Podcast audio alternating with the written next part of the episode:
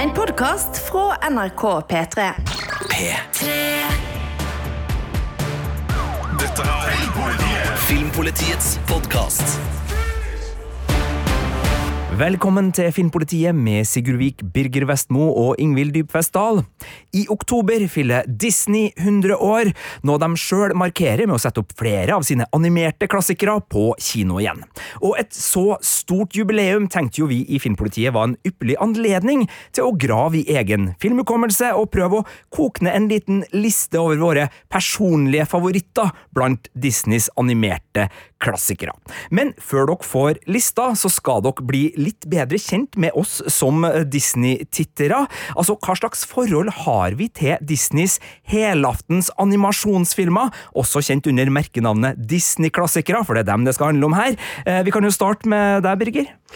Ja, altså min inngang til Disneys tegnefilmer gikk jo via TV-skjermen, fordi jeg er et barn av 1970-tallet, og da var ikke Disney så heite.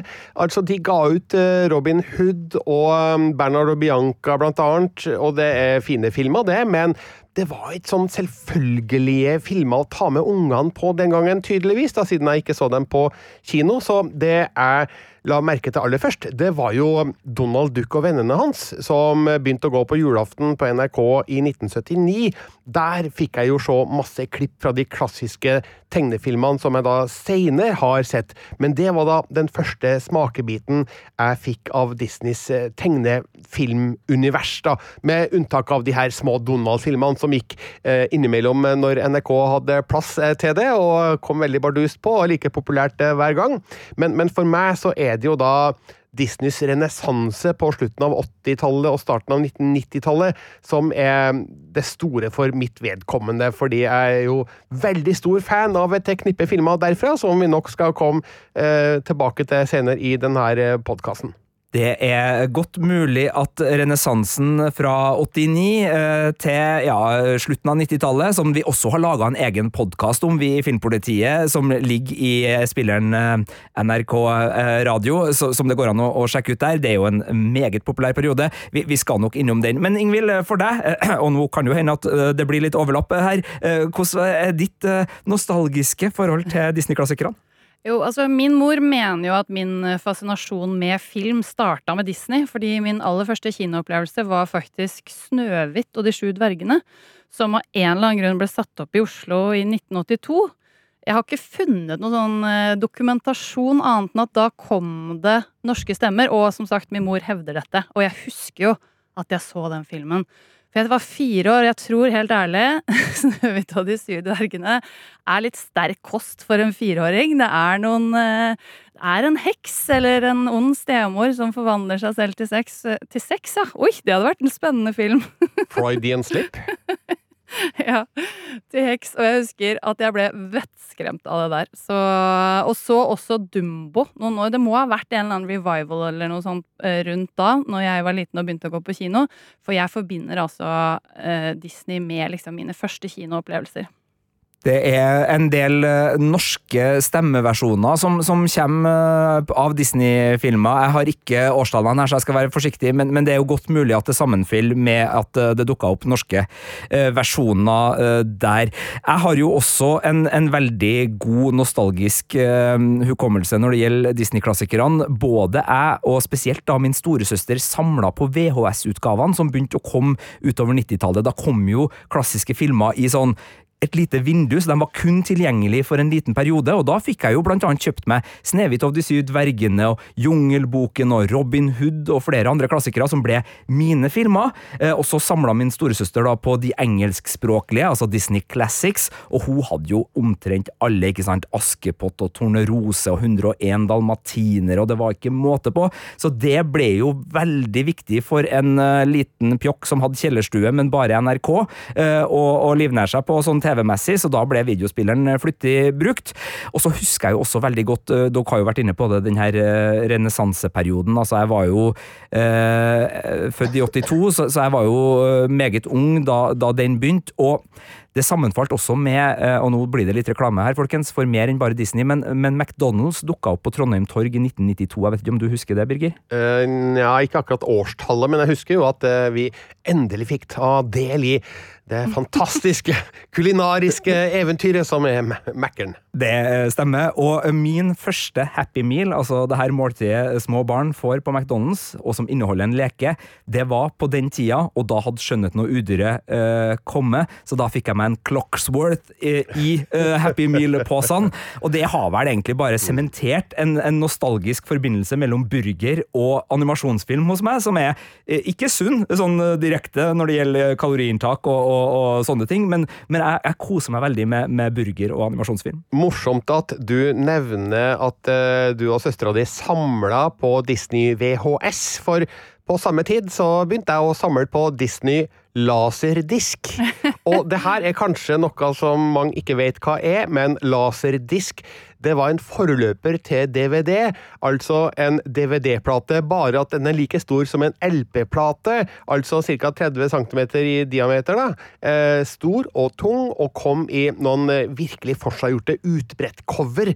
Eh, og så kunne du se da enten en halvtime eller en time på hver side, så midt i filmen så måtte du snu for å se resten. Det var skikkelig skikkelig celebert den gangen, og veldig veldig dyrt, men du fikk da en billedkvalitet som var langt over VHS, eh, og et godt stykke under DVD da det kom. Men eh, jeg har fremdeles mine Disney Laserdiscs eh, i en eske et sted, og da snakker jeg om Aladdin fra 1992, eh, Skjønnheten og udyret som kom ja, året før, da, i 91, og ikke minst da Løvenes konge i 94.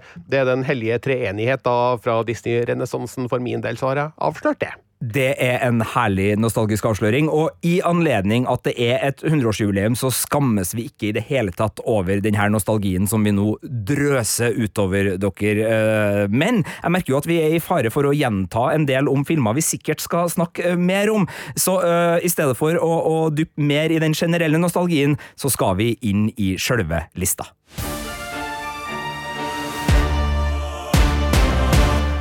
Det skal også eh, presenteres ti nostalgiske, personlige favoritter fra Disneys animerte klassikere i rekke fra tiendeplass til førsteplass her.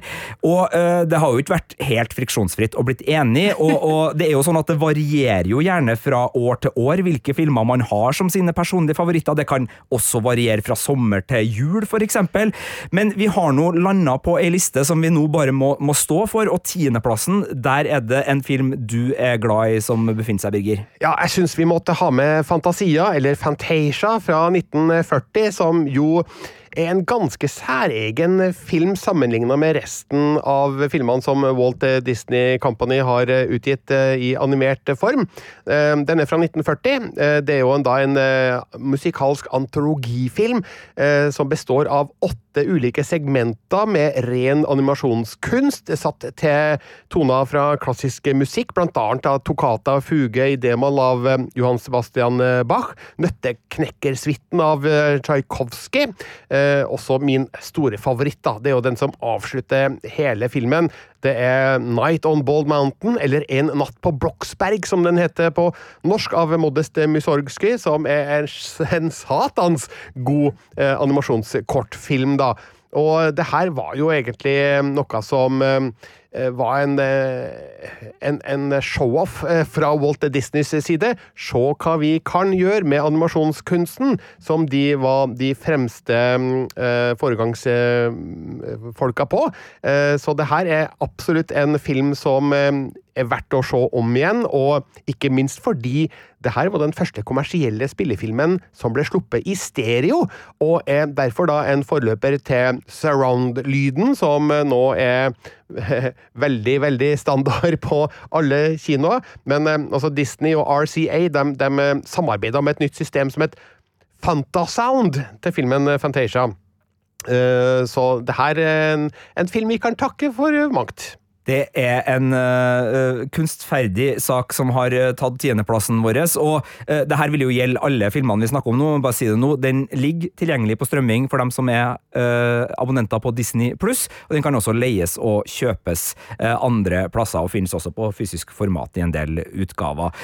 hvis dere syns vi gikk langt tilbake når vi skulle til 1940, så skal vi enda litt lenger tilbake for niendeplassen. der har du en ja, vi har jo skjønt det allerede, en, en kjent og kjær gammel godbit, Ingvild?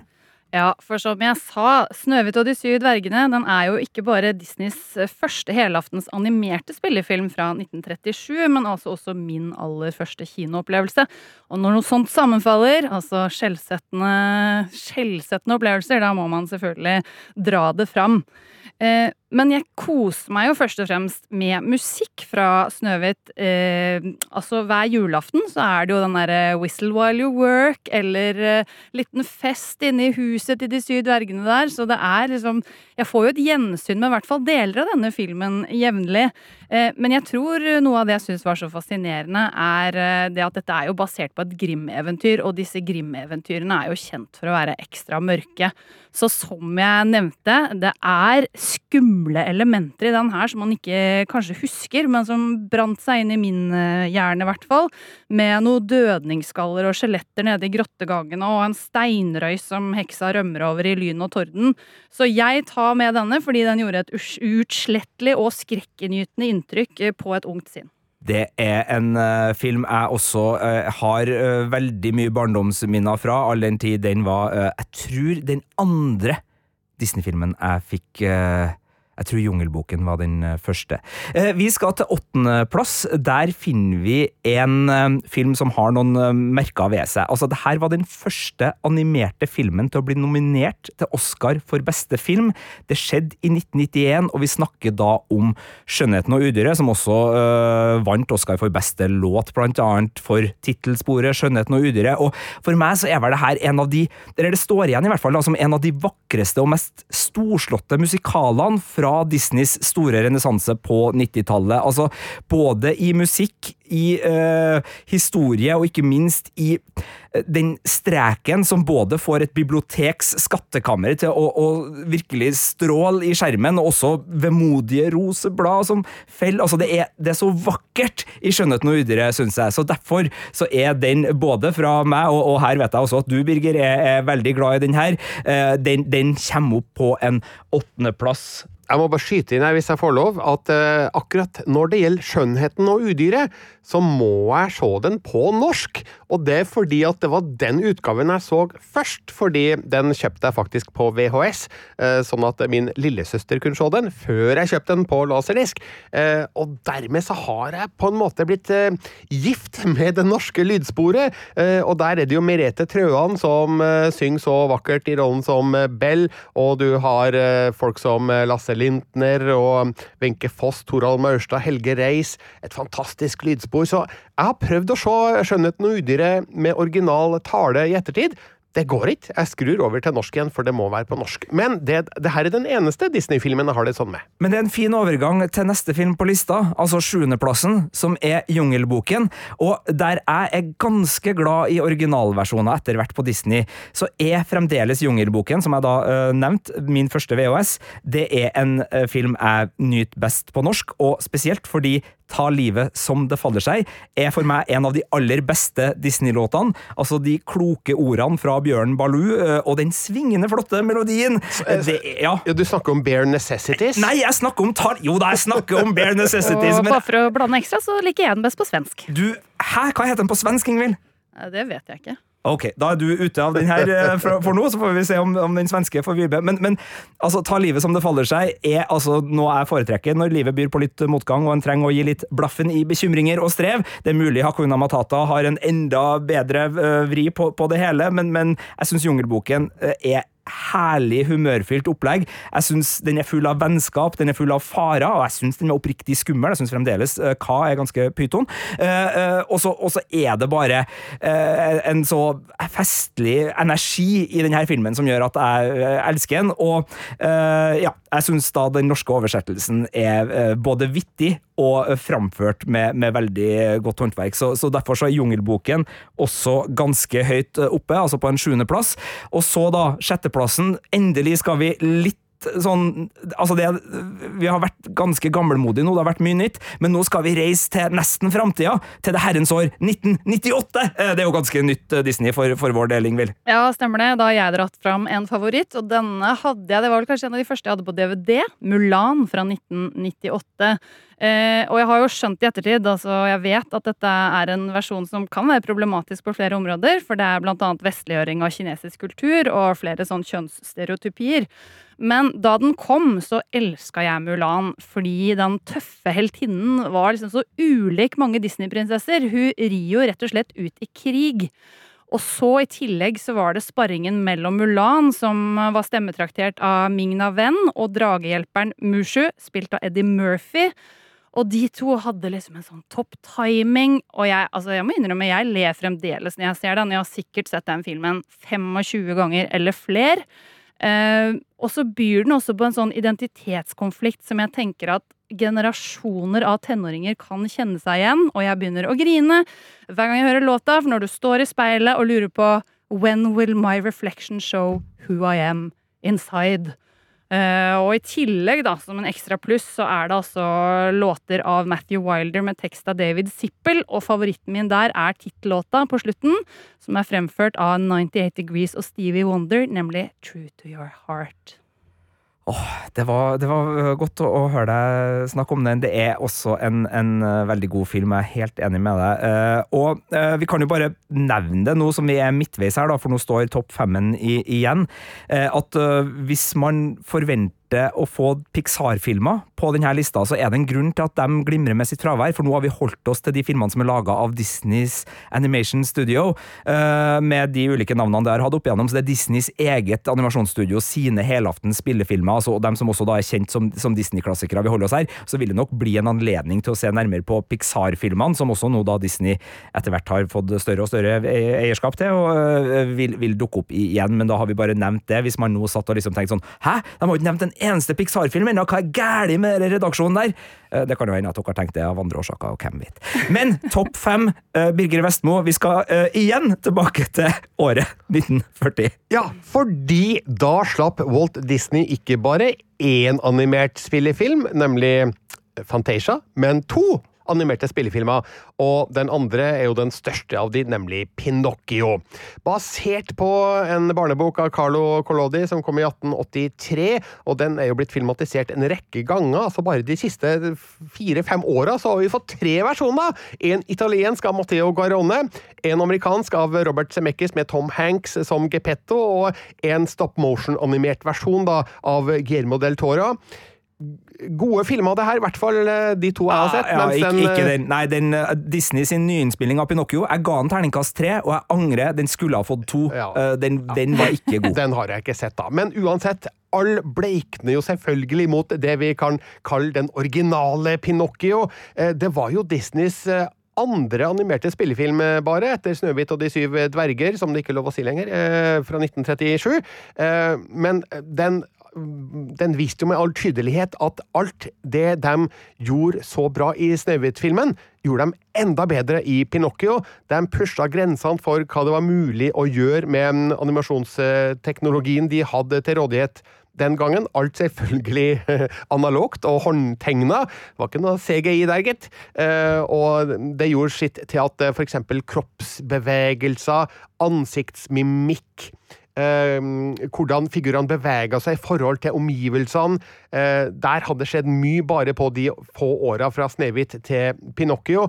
Og så er jo historien i seg sjøl eh, like fengende som den eh, alltid har vært, om Geppetto som eh, lager ei tredukke som heter Pinocchio, som eh, ønsker så gjerne å bli en ekte gutt og legge ut på et eh, eventyr og møte både en fe og en eh, hval, og mm, Geppetto legger etter, og vi har jo sett det her alt sammen, har vi ikke det? Jeg, jeg blir jo like rørt hver gang når de, eh, spoiler alert, eh, gjenforenes mot eh, slutten, men underveis så er filmen eh, overraskende mørk, oppdaga jeg sist jeg så den, og da hadde det gått noen år siden sist jeg så Gepetto, nei, unnskyld, Pinocchio, men, men jeg så den sammen med barna mine da de var litt eh, mindre enn de er nå, da, og eh, jeg ble nesten eh, litt, eh, ikke sjokkert da, men eh, litt tatt, tatt på senga av hvor mørkt til verks denne filmen faktisk går. Ja, jeg husker jo det her som en skummel film fra min barndom. Litt sånn i, i overkant. En av de skumleste Disney-filmene nettopp fordi det var noe, noe, noe mørkt i og, og litt farlig. Eh, så, så, så jeg kan skjønne veldig godt hva du mener der. Har du noen, noen eh, minner fra, fra Pinocchio, Ingvild? Altså Nok en gang så er det jo mest 'When You Wish Upon a Star' eh, hvert eneste jul som jeg må ha for at det skal bli jul, da. Og den fikk faktisk Oscar-pris for eh, den låta, og også for beste musikk. Eh, og man skulle jo tro at Pinocchio var en, eh, en, en sikker vinner på kino, men det, det var han ikke, fordi den kom ut i et litt eh, vanskelig år. Ja. Eh, hele det europeiske kinomarkedet ramla jo selvfølgelig vekk fordi andre verdenskrig eh, brøt eh, ut, og det var vel først etter andre verdenskrig at eh, Pinocchio ble satt opp på kino igjen, eh, også på denne sida av Atlanteren, og ble det, den suksessen som eh, den nå har blitt. En, en udødelig klassiker som er lagt til i USAs nasjonale filmregister. Det heter vel at den da er ansett som kulturelt, historisk og eller estetisk viktig, tror jeg det heter. Det er en eh, ære å, å bli innlemma der, så det er jo bare nok en indikasjon på den plassen Pinocchio har, og det, også med Timmy Gresshoppe eh, sin eh, rolle i etterkant, altså som både orkesterleder for Vår alles jul og også en del eh, spesialfilmer. Altså det, har, det er jo en film som, som både i musikk og i rollefigurer og historie har, har tatt sin store og vesentlige plass i, i Disney-historia, og absolutt verdt å ha med når man eh, skal feire en hundreårsdag, som vi nå driver og, og pusler litt med, eh, med høyst subjektive eh, filmvalg, selvfølgelig. Eh, den er nok ikke like kjent, den som er på fjerdeplassen, så hvis du sammenligner med liksom publikumsappell, så, så har nok øh, den øh, musefilmen jeg nå skal ha inn, sneket seg forbi Pinocchio på, på mange vis. Men mesterdetektiven Basil Mus fra 1986 er øh, Ja, vi kan jo avsløre det, vi har jo krangla litt, men det er min nest beste Disney-film eh, når smaksløkene får full kontroll og får lov til å bestemme. Det er jo en Sherlock Holmes-inspirert detektivfortelling, det her, eh, om den geniale mesterdetektiven Basil Mus og hans trofaste støttespiller Dr. Dawson. Og for en krimentusiast som meg, da, som elsker Sherlock Holmes, som elsker Agatha Christie, så er jo det her en optimal kombinasjon av lun strek, London-tåke, deilig, passe skummel atmosfære, en spenningshistorie som griper, og ikke minst da Rottenikken. Rattigan, en av Disneys beste og, og best syngende skurker, skal sies, for det musikalske festnummeret her er virkelig en av høydepunktene. Den handler da om at mesterdetektiv Basil blir hyra av en ung jente til å finne hennes forsvunne far, som er en oppfinnsom leketøysmaker som har blitt kidnappa av den stormannsgale professor Rottenikken, og Rottenikken har forferdelige planer for London by. da. Skal ikke avsløre mer, for hvis du ikke har sett den, og det her er jo en av de filmene som kanskje ikke alle har sett, så, så, så er det jo en krimhistorie her som selvfølgelig skal utspille seg, og man skal ikke avsløre for mye, men eh, du verden, her, her koser jeg meg, og jeg vil jo bare anbefale tekopp og, og pledd, for det her er ganske så erkebritisk eh, fra Disney, og, og en film jeg har virkelig satt stor pris på. Ingvild, er det her en film du også har fra barndommen, eller er jeg Ja. litt alene her? Altså, Jeg har jo sett den, og jeg var jo veldig i målgruppa. Jeg var vel åtte år da han kom. Men jeg husker, eneste jeg husker fra denne, er Professor Rattigan, som han het på engelsk, var veldig skummel. Og så veldig ekkel ut. Ja, han, har- han har eh, et hamskifte i filmen som nok kan skremme de aller yngste, vil jeg tro, ja, for der, der skjer det noe med, med den ellers så veltalende og striglede skurken, som, som kan eh, sette i gang noen, noen drømmesekvenser, muligens av marerittsorten. Birger, for deg, 1986, var det et Disney-år du eh, hang på, på kino og satt og venta på den her? Det var nok ikke det. Aliens var vel den Ja, største det var- filmen for meg det ja. året, så eh, Disney-film gikk litt under min radar. Eh, Så jeg har faktisk aldri sett eh, Basil Mus, og ja, den står nå på blokka over filmer som må ses. Det er veldig greit, for da passer jeg jo på nå å minne på at jo da, har du Disney Pluss, så har du også tilgang til denne filmen. Og den kan også kjøpes og leies både digitalt og på fysisk format. Så er det sagt. Jeg lurer faktisk på om det her er en av de som ikke er på norsk Blu-ray enda, men den er på norsk DVD i den her nummererte rekka av Disney-klassikere som er gitt ut, med litt ulike tall, fordi Disney har drevet og flytta på noen av sine egne klassikere, sånn at det som var nummer 51, kanskje blir nummer 52, osv., osv. Men dit skal ikke vi nå. Eh, Dere som er nok interessert i det her, og det er en del Disney-samlere der ute, dere vet allerede alt om det her, så det trenger ikke jeg å, å si noe mer om. Men Tredjeplassen, den må vi si noe mer om. Og Birger, Ja. der skal vi til en du allerede har nevnt at er i laserdisk-samlinga di. Visst. Vi skal til Aladdin, og det er en forbindelse mellom Basil Mus og Aladdin. Det er sikkert flere, da, men eh, en av regissørene til Basil Mus, eh, Ron Clements, er også en av regissørene på Aladdin, sammen med John Musker. Eh, og det her er da den fjerde filmen som kom under den såkalte Disney-renessansen. Året var 1992, og her er det jo ett navn som vi må nevne over all andre, og det er Robin Williams. Fordi, som alle sikkert vet, det her handler om eh, Aladdin, som forkler seg som en velstående prins eh, ved hjelp av en ånd han finner i ei lampe. For å imponere en sultan, for å ja, få tak i dattera hans, eh, som han har blitt forelska i. Men denne ånden, Genie, spilles jo da så fabelaktig fantastisk godt av Mr. Robin Williams. Jeg får nesten lyst til å si sir, men han ble vel aldri det amerikaner som han var. Eh, Men eh, gud, for en energibunt i vokalform. Han eh, gjorde jo nesten filmen på egen hånd. Altså, det gjorde han jo ikke helt, da, fordi filmen er jo et feiende flott eventyr fortalt med den eh, oppdaterte Disney-streken etter alle kunstens regler. Vi blir ført inn i et fargerikt univers med et vell av morsomme figurer, og også denne filmen, som Skjønnheten og udyret, greier å balansere mellom det store eventyret, den store romansen, eh, den store skumle faren som truer, og den altoverskyggende humoren som gjennomsyrer alt. Eh, Det er en film som treffer perfekt på det fortellertekniske. Den greier å porsjonere ut alle de fire elementene som jeg nå har snakka om, i en miks som gjør at du sitter huka fra start til slutt her. Og filmen er jo også full av eh, herlig musikk, sånn som 'Skjønnheten og udyret' var. Igjen Alan Menken som skrev musikken. Um, Howard Ashman skrev litt av teksten, men døde dessverre, og tekstarbeidet ble fullført av Tim Rice, og um, dette ble jo en stormende suksess. Jeg har lest at uh, det ble faktisk den mest innbringende filmen i hele 1992, og det var da på 504 millioner dollar. Jeg vet ikke hva det blir i eh, 2023-penger, men eh, mye penger i hvert fall. Eh, og det var jo da selvfølgelig den mest innbringende animasjonsfilmen gjennom tidene.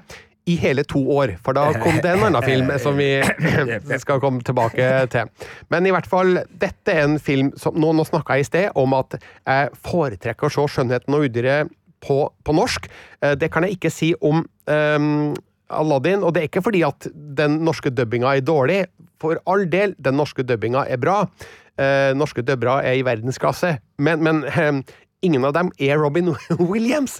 Eh, sånn at den filmen må ses på engelsk. Og ja, jeg har den ehm, jeg har den på VHS, jeg har den på laserdisk, og jeg har den på Blu-ray, og nå tenker jeg at tida er inne på for å kjøpe den på 4K UHD Blu-ray også. Eh, nei, den er laserdisk, jeg har den på laserdisk. Du har den på laserdisk. Det, det, ja. Jeg kan legge til at jeg forstår jo veldig godt Birgers eh, eh, begeistring for Robin Williams. Og da vi hadde denne podkasten om, eh, om den eh, gylne renessansen, eh, så snakk, var vi jo innom det at i denne filmen så endte de faktisk opp med 16 timer med improvisjon med Robin Williams, som de måtte velge ut fra. Og det skal angivelig også være grunnen til at eh, manuset ble forkasta til å bli Oscar-nominert for beste adapterte manus, fordi det var for mye improvisasjon. Det er, ja, eh, man, man kan ikke få alt her i verden, men eh, 16 timer improvisasjon fra Robin Williams er jo eh, bedre enn det meste annet, så det var nok verdt det. Jeg er helt enig med Birger. Altså, den rollefiguren og den skuespilleren er en ganske så perfekt eh, match i ei tid hvor Disney gjorde veldig mye perfekt, og, og det er jo kanskje greit å bare ikke, ikke gjenta det, men altså på 80-tallet, på midten av 80-tallet så var altså Disney nede i en liten uh, mørk uh, dal. De hadde litt trøbbel, både med at filmer floppa, og det var litt sånn uh, turbulens i, i Disneys systemer.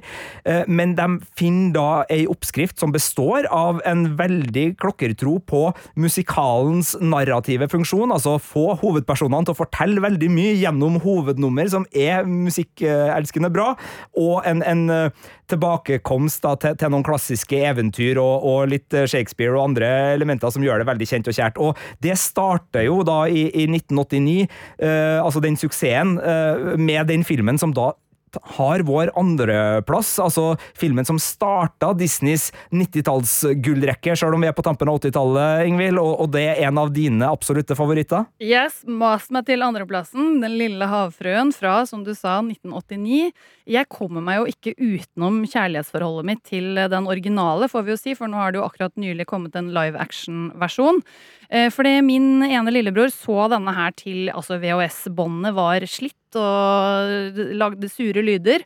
Eh, og jeg så altså denne hovedsakelig norsk versjon av den grunn. Og her må jeg altså trekke fram eh, Sissel Kyrkjebø som havfruen Ariel, Helge Jordal som hoffkrabben Bastian og Anne Grete Preus som havheksa Ursula. Altså, de var helt magiske stemmetolkninger. Eh, og ikke minst så syns jeg jo denne disnifiseringen som det jo er av et H.C. Eh, Andersen-eventyr, og et av de tristeste han leverte, men den her byr jo på både humor og skrekk, eh, fra da Ron Clemens og John Musker igjen, som, som sto for regien. Og filmen her begynte jo også så vidt å eksperimentere med en ny dataanimasjonsteknikk hos Disney, nemlig caps. Men den har også masse av nydelige håndtegninger og strålende farger. Og som vi var inne på, så er det også en musikalsk høydare, fordi her har vi jo altså Alan Menken-låter med tekster av Howard Ashman, og det var jo denne duoen som leverte utrolig mye gull før dessverre da Ashman eh, døde altfor ung. Eh, men blant mine favoritter må jeg da nevne Det er min drøm og Stakkars nedbrutte sjeler, for uten den eh, da Oscar-vinnende Her må du bli. Og disse kan jeg bare på norsk, fordi ja, jeg har sett den mest på norsk. Det er jo ulempen med VHS-båndet. Det var veldig vanskelig å velge meny. Språk, engelsk, på, på VHS-en. Så, så, der er nok vi alle tre litt prega av den oppveksten, selv om Birger raskt gikk digitalt til verks og skaffa seg flere og bedre menyvalg. Var det norsk tale på de laserdiskene dine, Birger Vestmo? Nei, der var det bare original tale, og ikke noe teksting heller, så jeg ble veldig god på engelsk. Språkskolen Disney eh, er også eh, noe som eh, har vært en, en del av vår oppvekst. Det er vel ikke ikke den største overraskelsen vi skal komme med når vi skal avsløre førsteplassen. Det vi kan si, var at eh, der det var ganske mye sprik ellers på våre topplister, når vi prøvde å sette sammen det her, så var førsteplassen lik hos alle tre. Det var ingen som helst tvil. Den filmen her er den filmen vi har som favoritt blant Disneys klassikere. Og øh, ja, øh, dere kan få si det i kor. Vinneren er Løvenes konge! Det er jo helt riktig. Fra 1994. Ingvild, eh, hva er det som gjør at du elsker Løvenes konge? Den har alt. Den har en søt løveunge, en mektig konge og en sjalu tronarving. Og så har den sanger Elton John og Tim Rice. Stemmer fra Matthew Broderick, James, James Earl Jones, Jeremy Irons, Whoopi Goldberg og Rowan Atkinson. Det er mine argumenter. Det er gode argumenter. Birger, hva vil du føyte? Hvorfor er Løvenes konge din animerte favoritt fra Disney? Den er inspirert av Shakespeares Hamlet. Det er riktig. Eh, det er en, en ting, men en annen ting er at det er én ting Løvenes konge gjør som kanskje ikke noen av de andre filmene vi nå har snakka om, har greid. Eh, nemlig, den griper meg sånn skikkelig hardt. Eh, jeg føler så hardt for de figurene her. Det er et eller annet med historien om eh, om eh, slekt og slekters gang og far og sønn-forhold og den store tragedien som ligger og murrer under overflata her, som gjør at Løvenes konge har en emosjonell slagkraft som ikke engang eh, de beste andre Disney-filmene har greid å skape, i hvert fall ikke for min del. da, og eh, det er vel det som gjør Løvenes konge til den store klassikeren eh, den er, nemlig at den, den har universell tematikk bakt inn i et utrolig underholdende eventyr. Breddfull av humor, men også sterke undertoner av sorg og tap og savn. Og um, det at de har greid å kombinere alle de her elementene i én film på en så utrolig god måte, er jo eh, bare ja, et eh, a testament to eh, their brilliance. Jeg greide ikke engang å si det på norsk. Nei, men det, det fortjener engelsk hylling, og, og, og sjøl om igjen da, det er en norsk versjon som er veldig god, så var du jo inne på det, Ingvild. Altså, det er en, en, en, en skuespillersamling her, og også artister, som gjør at eh, kanskje er originalversjonen her eh, en av de aller beste også å, å nyte i originaldrakt. Ja, og når Birger sa og det er én ting denne gjør som ikke de andre var, så trodde jeg han skulle til å si at den eh, altså innførte flatu, eller den ga flatulensproblemer et ansikt. Eh, men det var jo ikke det han sa. Han kom med veldig mye mer finere ting. men jeg syns det var morsomt, og det at den lærte faktisk en hel verden å chille litt med Hakuna Matata. Ja, for, for dere er jo inne på noe begge to her som jeg syns er, er verdt å nevne. For jeg, det har vært en tanke jeg har hatt når jeg har sittet og, og pusla litt på det her, og det her kommer jo også til å komme i en listesak på uh, p3.no filmpolitiet på, på lørdagen, hvor eh, alle disse filmene eh, får, får, eh, får, får eh, skryt. Eh, men det er det at det er litt bedre enn de andre. Fordi der tar livet som det faller seg, er en av mine favorittlåter, så syns jeg jo nesten Hakuna Matata gjør det samme, bare litt bedre, i Løvenes konge. Det er jo et motto der som, som uh, har tematiske overlappinger. Jeg sier ikke at det er samme låta, men, men, men det har noe uh, med seg.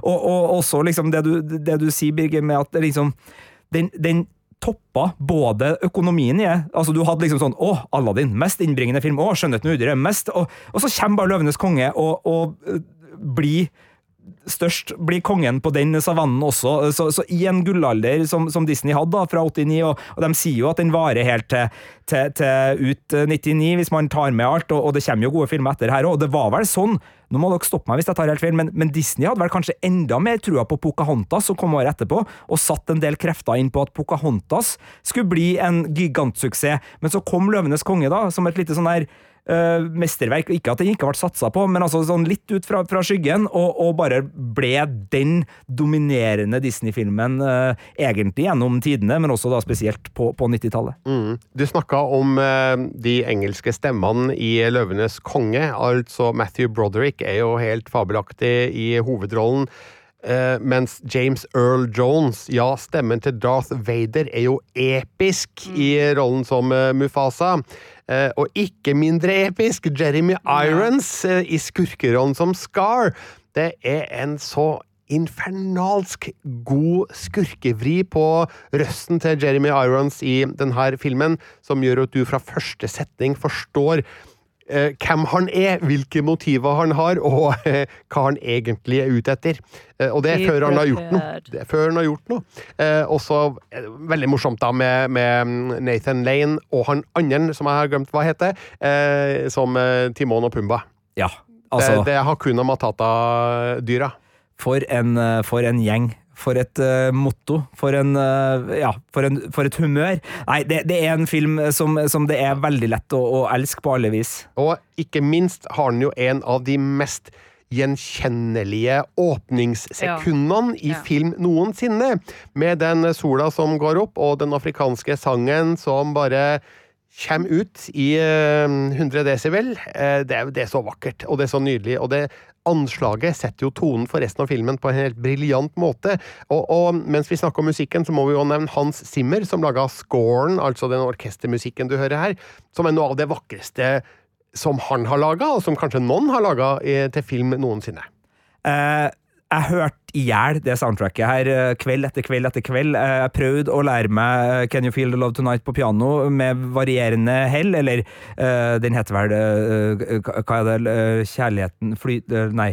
Hva er den på norsk? Ja, det har jeg glemt. Nei, det har jeg òg glemt. Uh, unnskyld at jeg uh, begynte på det. Men, men, det er nydelig. Og jeg og du, Birger, vi har jo også vært uh, på musikal og sett Løvenes konge satt opp i, i, London, og det er jo virkelig en historie som lar seg overføre, for den er jo så god, og der skal vi jo nok en gang kanskje hilse til Shakespeare da, og si takk for, for Hamlet-inspirasjon, for det, den ligger jo her og, og, gjør det veldig, veldig bra.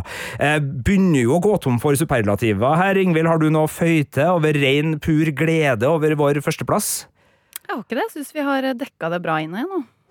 Da sier vi det at det var vår topp ti. Eh, kan nevne, for det er jo uh, mulig at noen her nå sitter og er skikkelig sur på oss fordi vi ikke har uh, tatt med de filmene vi skulle. Jeg vil si det er sannsynlig. Ja, det, det er veldig sannsynlig. Og uh, jeg har jo merka når jeg har gått litt i gangene her på, på P3, at det har blitt slengt liksom sånn Ja, dere skal vel ha med Hercules! Dere skal vel ha med Et kongerike for en lama! Altså sånn do, do, de, de, Ja. Og jeg har liksom bare smilt litt og, og gått og bare tenkt sånn Å, de kommer til å bli sinte når de får se lista vår. og det er jo ikke noe tvil om at uh, når vi da er født på 70- og 80-tallet som vi er, så, så bærer denne lista preg av vår barndom, vår nostalgi og vår laserdisksamling. Uh, sånn er det bare, og, og det gjør nok at uh, når vi måtte være ærlige på hva er faktisk våre favoritter, så, så blir det sånn. Men kan du si at de som nesten ble med, der finner vi Vaiana fra 2016, er det vel. Eh, Sotropolis fra sånn cirka samme tida, så de er jo relativt nye, så, så der, var vi, der, der, var vi, litt øh, Ja. Eh, Askepott, ikke fullt så ny. Sverdet i steen. Å, den er god. Eh, Dumbo og, og Tornerose, så det var, det var, filmer som lå og bobla her eh, rundt. Jeg jeg syns jo også at det er, det er veldig vanskelig øvelse vi har kommet oss gjennom nå, så jeg syns vi, vi, skal også være fornøyd, sjøl om vi må være forberedt på, på kritikk, ja, for at vi har klart å, å, å, plukke favoritter her. Men når vi lager en personlig liste, så er det som du sier, basert på de opplevelsene vi har hatt i oppveksten. Der kan det jo være ulike filmer som har satt sitt preg på oss. Eh, og det er ikke nødvendigvis de i hermetegn riktige filmene. Eh, og når jeg ser på lista over Disneys animerte filmer, så er det det er noen der som jeg faktisk er usikker på om har jeg egentlig sett den filmen. Men jeg husker veldig godt da jeg har sett klipp fra den og den filmen, f.eks. da i Donald Duck og vennene hans eh, hver julaften på NRK. Eh, så mm, jeg tror kanskje muligens jeg må gå løs på et prosjekt nå. Se alle Disneys animerte spillefilmer fra 1937 fram til i dag. Det er i så fall ei liste som teller over 60 filmer, siden da starten med 'Snehvit og de syv dvergene' i 1937. Foreløpig siste eh, i rekken er 'En annerledes verden' fra 2022, men nå kommer vel filmen som heter 'Ønske'. Eh, i desember på ja. kino, som da blir vel den 62. i rekken, tror jeg. Men jeg lurer på om jeg må sette sluttstrek ved den siste håndanimerte filmen, oh, ja. som er Min bror Bjørnen, som kom i 2003.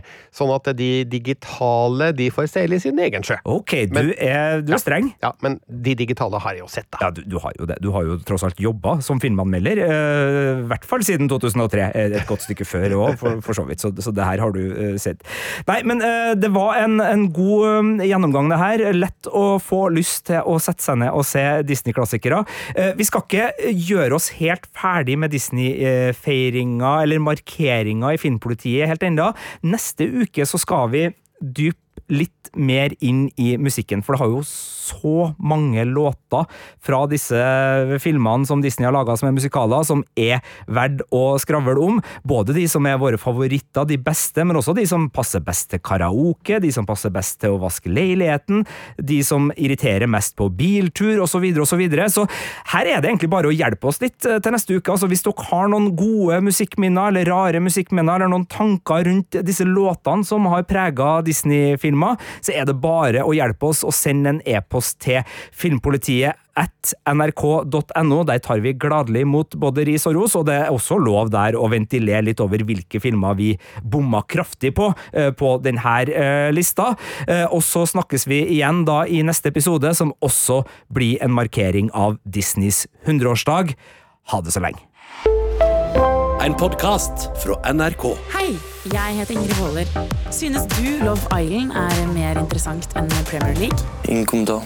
Da er trash noe for deg? I'd like to know what's going on between Carly Kloss and Taylor Swift. Hver uke inviterer jeg deg og en gjest til å menge oss i all den deilige søplete popkulturen som finnes der ute. Hør Trash i appen NRK Radio.